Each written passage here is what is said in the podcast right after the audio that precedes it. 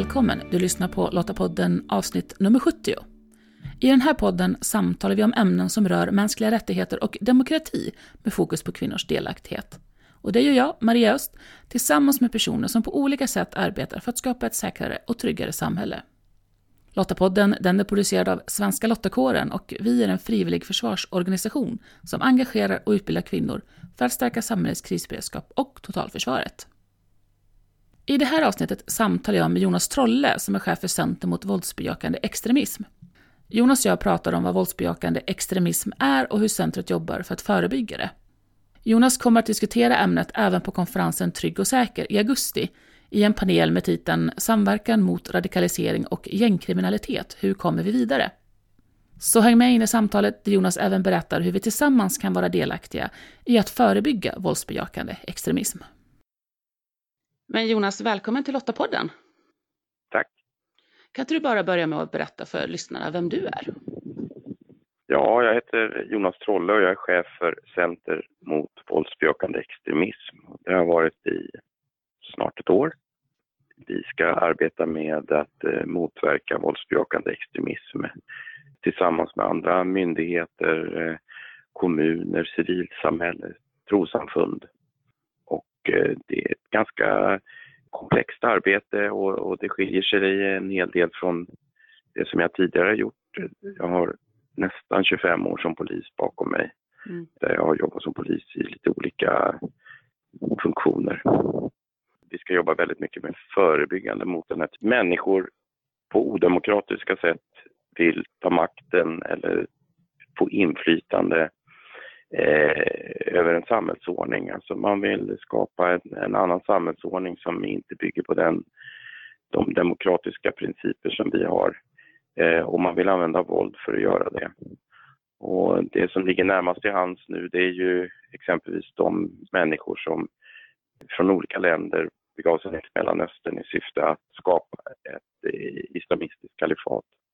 Men eh, våldsbejakande extremism behöver ju inte bara vara religiöst motiverad utan det är ju även politiskt motiverad extremism. Det är eh, högerextremism och det är vänsterextremism. I Sverige så finns det ett, eh, ett antal människor som eh, hemfaller åt den här typen av teorier och tankar och eh, eh bejakar och vill ha den här typen av eh, ny ordning som är väldigt eh, många gånger skrämmande för människor i gemen. Och, och det arbetet då som centret ska göra genom att jobba förebyggande, hur, hur jobbar ni för att försöka då motverka eh, de här tendenserna? Men det är att sprida kunskap till praktiker. Vi jobbar ju inte i personärenden, vi är ju inte så många, vi är 16 personer och vi ska ju då sprida kunskaper och praktiker till människor som jobbar i kommuner, människor som ja, exempelvis poliser, eh, andra myndighetspersoner. För att det är ju mötet med människor som kan, kan tänkas bli radikaliserade eller är på gång att bli radikaliserade eller redan är radikaliserade. Det är det mötet som det går att göra skillnad. Och då gäller det att veta som representant för en skola eller för en kommun eller en annan myndighet eller trossamfund. Vad är det jag har framför mig? Vad är, mm. vad, är, vad är den här människan på väg in i eller vad är den här människan inne i? Vad är det för signaler? Vad är det för tecken? För många gånger så är det så att när ett, ett eh, terrordåd inträffar eller en, en, en, en allvarlig händelse som en konsekvens av att en person som är extremist har, har gjort någonting, då, då är det ju redan för sent. Mm väldigt ofta så kan vi ju läsa i tidningarna och höra att man, människor har sett tecken, och, men de har inte förstått vad det har varit. Mm. Men de har sett tecken tidigare. Och här handlar det om att försöka bygga en kunskapsbank och en erfarenhet och en kunskap som gör att vi på ett tidigare stadium ska kunna förstå vad det är vi ser. För det är ju så att den, den dagen en människa är 100% motiverad och bestämmer sig för att eh, hon eller han ska göra någonting, då är det ju i någon mening alldeles för sent. Mm. Så att det här handlar om att sprida de praktiker och vi är mycket till exempel ute i kommunerna här nu och pratar om vikten av att man har en lägesbild över det här. Alltså, vad är det för strömningar som finns i ett lokalsamhälle? Hur ser man till exempel på högerextremism och eh, slår de rot i skolor? Är det vit maktpropaganda och eh, sådana här saker eller eh, andra ideologier som kan vara våldsbejakande och vad kan vi dra för slutsatser av det eh, innan det i någon mening är, är för sent. Mm. Men man ska också ha klart för sig att det är ju problematiskt för att det är ju den våldsbejakande delen som är, som är brottslig och som är farlig. Men dessförinnan så kan ju människor hysa en väldig massa åsikter och vi har åsiktsfrihet i det här landet. Men det är ju åsikter som i slutändan kan kan bli våldsbejakande. Mm. Och var går den gränsen? Mm. Och att balansera på den gränsen och att arbeta med det, det är någonting som är oerhört svårt och det är också någonting som vi hela tiden måste ha med oss i, i dels i vårt eget arbete men också i arbete med de som, som finns ute i, i samhället i olika mm. positioner. Att åsiktsfriheten, religion, religionsfriheten och mötesfriheten det är, det är grundlagsskyddade rätt, fri och rättigheter som vi har. Eh, eh, men, men samtidigt så är det så då att, att när, när det här så att säga tippar över och blir våldsbejakande, ja då, är det, då kan det bli verkligt, verkligt farligt. Mm. Jag tänker, vad är några av de signaler eller, um, eller tecken då som, eh, som man skulle kunna tänka sig att, att man ser och, och, som då kan indikera att en person är på väg in i någonting som, uh, som inte är riktigt bra för personen? Många av den här typen av grupper, det, de har ju väldigt tvärsäkra svartvita lösningar och förklaringar kring mm. varför ett samhälle ser ut på ett visst sätt, varför det är på ett visst sätt. Man kan ta de som bejakar det här vitmakttänkandet, de är ju mycket utifrån att, att vårt samhälle är under, under, stort, under ett stort hot där, där andra eh, som inte är, är svenskar eller inte är nordiska människor är på väg att tränga ut de nordiska folken och på det sättet då eh, skapa ett nytt samhälle som, som så att säga kommer utrota eller att helt eh, terminera eh, de nordiska folken. Och den typen av retorik förs ju, den typen av diskussioner förs ju i de här sammanhangen. Mm. Upplevelsen är då också att förmågan att kunna ta till sig andra argument, förmågan att kunna eh, ta till sig invändningar i det här är ganska låg. Mm. Det är bara den vägen som gäller. Du har samma när vi pratar om eh, den här religiöst motiverade extremismen, att det är enbart en viss tro som gäller, ett visst sätt att leva som gäller eh, och det handlar om att inordna sig eh, efter levnadsregler och där allting annat är förkastligt. Det som finns mm. utanför är någonting som inte är eh, rätt och eh, därför ska eh, tas bort. Det, det ska eh, försvinna. Den där typen av, av retorik, när, när till exempel unga människor börjar anamma den typen av retorik, då är det ju oerhört viktigt att man tar en diskussion kring det. Att man också eh, inte heller hamnar i ett läge där man börjar trycka tillbaks och eh, mm. Kanske börja med konfrontation utan faktiskt att man tar en, en diskussion. Mm. För att om man, om man har en retorik, en tillbakaretorik som är aggressiv och så, då, då tenderar man ju kanske att stärka den här personens uppfattning mm, av att hon eller han har rätt och att alla andra är emot. Va? Mm. Ja, det, är, det är en sån grej. Sen har du ju, och det är mycket, mycket svårare, de här som sitter kanske på sin kammare och mm. radikaliseras bakom datorn. Ja, hur, hur, ser man det? Hur kommer man åt det? Men det finns ju ändå både grupper, organisationer och eh, myndigheter som har, har viss koll på vad som händer i olika av de här fora eh, som finns på, på nätet. Och, och eh, där är man ju oerhört ensam och kanske bara eh, kommunicerar med gelikar. Och där gäller det att ändå ha en, en viss överblick man kan titta på de brott som har varit i närtid bara här i, i, eh, i Norden. Om man tittar på eh, det som hände i Trollhättan för ett antal år sedan. Mm. Den killen, han var ju helt... Eh, han hade bara gelikar som han kommunicerade med över nätet och mm. radikaliserades på det sättet. Och var ensam i det här. En annan som också var ensam var ju Anders Behring Breivik som mm. sympatiserade med något men ändå inte var aktiv. Eh, han var inte känd, mm. eh, men han sympatiserade. Och de, de här typerna av människor, de är oerhört svåra att, att få grepp om. Mm. Och såklart kan bli väldigt farliga. Och hur jobbar ni tillsammans då med, med andra myndigheter och aktörer för att försöka motverka? Ja, men som nu under den här våren har det varit väldigt mycket fokus på det som handlar om återvändare. Mm. Och eh, då är det ju viktigt då till exempel att när vi pratar med polisen och säkerhetspolisen att trycka på vikten av att, att de här människorna som eh, kan komma tillbaka till Sverige faktiskt att man tittar på alla förutsättningar att få dem här lagförda. Mm. Det har ju framkommit ganska tydligt i, i debatten att det är svårt att lagföra människor för terrorbrott. Men vi har ju en hel krigsbrottskatalog också som det går att lagföra människor. Eh, och eh, använda, använda en sån krigsbrottskatalog och titta på förutsättningarna för det. Och det är någonting som vi trycker jättehårt på, att, att man ska titta på de förutsättningarna. Och där är ju även åklagarna aktiva i, i att titta på de möjligheterna. För det är en viktig brottsförebyggande effekt att man faktiskt visar att de här kan inte fara ner och göra det de har gjort. De har varit utkämpat ett illegitimt krig, många av dem. Och då är det inte bara att komma hem och eh, det inte blir några konsekvenser av det. Mm. Det är fullständigt oacceptabelt. Men sen också då förbereda kommunerna. Vad gör man med de som inte eh, är, eh, går att, att lagföra? Och framförallt, vad gör man med de barn som har varit med i det här? Mm. För att de inte ska så att säga bli eh, radikaliserade i en framtid. Eh, det är oerhört viktigt att man Mm. har fokus på det.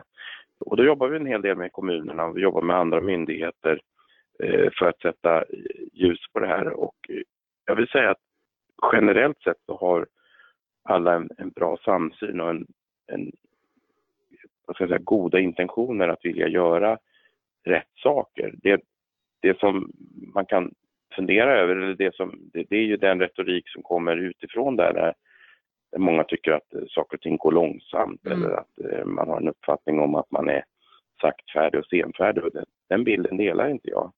Däremot så är det ju så att vi, vi är ett rättssamhälle, Mm. vi är en demokrati. Och i ett rättssamhälle och en demokrati så finns det inte alltid jättesnabba lösningar utan det handlar om också att tänka till för att göra, göra rätt och att man får inte hemfalla åt populism eller, eller eh, saker som är eh, som strider mot gällande rätt. Mm. Så att eh, jag upplever ändå att det finns en, en mycket, mycket goda intentioner från alla som, som har att göra med det här. Och vi samverkar med 15 olika myndigheter i, i det här, med, med det som är vårt uppdrag.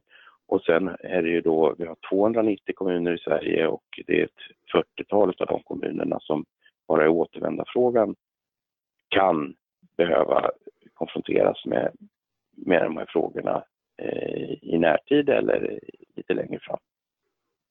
Men det låter ju ändå som att, att det verkligen händer saker, även om vi, som du säger, det kanske inte riktigt syns utåt på, på det sättet som många kanske skulle önska. Men jag håller ju Ja. med dig om att vi måste ju verkligen värna demokratin och rättsstaten, att vi gör det på rätt sätt också så att vi inte påverkar och, och eh, som du nämnde, ökar på att kanske fler på grund av behandlingen de får eh, går in i en, en negativ spiral. Ja, men precis. Och, och, och det, det är oerhört viktigt. För jag brukar säga det om just de här personerna som, som for iväg här. att De har sagt att det samhälle och den samhällsordning som vi har, den, är, den förkastar dem. Mm. De skulle skapa ett nytt samhälle, en ny samhällsordning. Men det innebär inte att bara för att de har sagt det så ska inte vi möta dem med det. Utan vi ska möta dem med det system och den samhällsordning som har tjänat oss väl Mm. i, i, i, decennier. Eh, och det är en väldigt, väldigt viktig princip. Nu jobbar ju myndigheterna väldigt, eh, väldigt bra som du säger med just att eh, ta hand om de här frågorna. Men jag, jag tänker just i den här eh, i att vara med i dialogen och, och ta hand om varandra långt innan det verkligen går så långt att de, de här personerna kommer eh, långt in i radikalisering. Vad kan vi som medmänniskor göra för Mm. att hjälpa till och, och försöka motverka att, eh, att det här händer? Men jag, jag nämnde initialt här att jag har en bakgrund som polis. Och eh, det är ju så att många gånger när man möter de här människorna, både i den här typen av miljöer men också i, i den grova kriminaliteten och de människor som, som lever som grovt kriminella så finns det en uppfattning om att de är inte en del av det samhälle som merparten av oss eh, invånare i Sverige tycker att vi är del av. De uppfattar att de är, står utanför, eh, att de är svikna, de uppfattar att de, eh, de har ingen, ingen plats. Och då vill man ju skapa ett eget och ett nytt sammanhang. Och eh, egna och nya sammanhang som är positiva, det är väl en sak, men här handlar det om egna eh, och nya sammanhang som är destruktiva. Men man får tillhöra någonting. Mm. Och just det där att få tillhöra någonting, vare sig den är positiv eller negativ eh, i ett sådant sammanhang, är ju, är ju viktigt för oss som, som människor, som, som, som flock eller vad man ska kalla mm. Och, och eh, därför så är det ju viktigt att vi inkluderar, vi har ett inkluderande samhälle och ett lyssnande samhälle. Vi respekterar människors åsikter och uttryck men att vi ändå då liksom för en debatt och en dialog utan att totalt eh, vända de här människorna ryggen långt, långt tidigare, långt, långt innan de kan tänkas bli radikaliserade. Mm. Det minskar trycket, det minskar eh, risken för att de så att säga helt och hållet skjuter ut sig från det som är eh, någonting som ändå den stora merparten av invånarna i Sverige och anser sig höra till.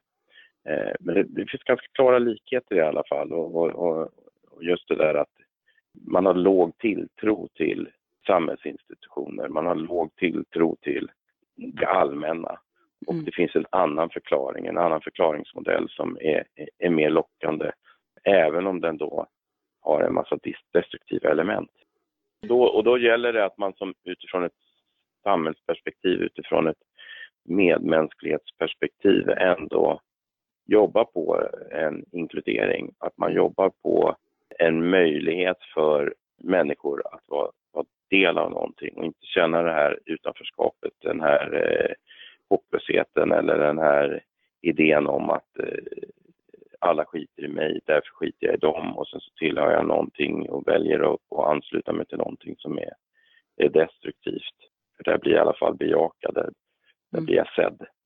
Skolan har en, en, en, viktig roll, förutom att man ska lära elever att läsa och skriva och, och massa sådana saker, så finns det en väldigt viktig roll utifrån en demokratistärkande del. Och sen så har vi också civilsamhälle med idrottsorganisationer eller eh, andra typer av eh, aktiviteter för, för unga människor som kan fånga och inkludera så många människor som möjligt i, i sammanhang som inte är destruktiva.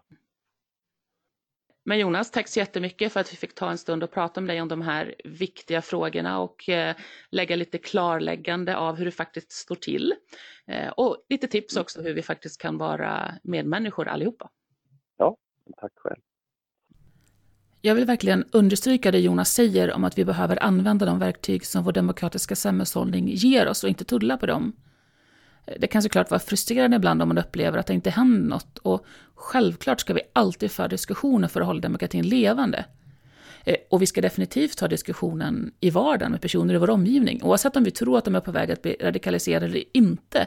Att föra samtalet stärker demokratin hos oss alla. Länk till mer information relaterat till det vi samtalat om i det här avsnittet det hittar du på lottopodden.se. Och om du, precis som Svenska Lottakåren, tycker att fred, demokrati och mänskliga rättigheter är värda att försvara och vill engagera dig för ett säkrare och tryggare samhälle, jag går då till svenskalottakåren.se. Där hittar du information om hur just du kan bidra.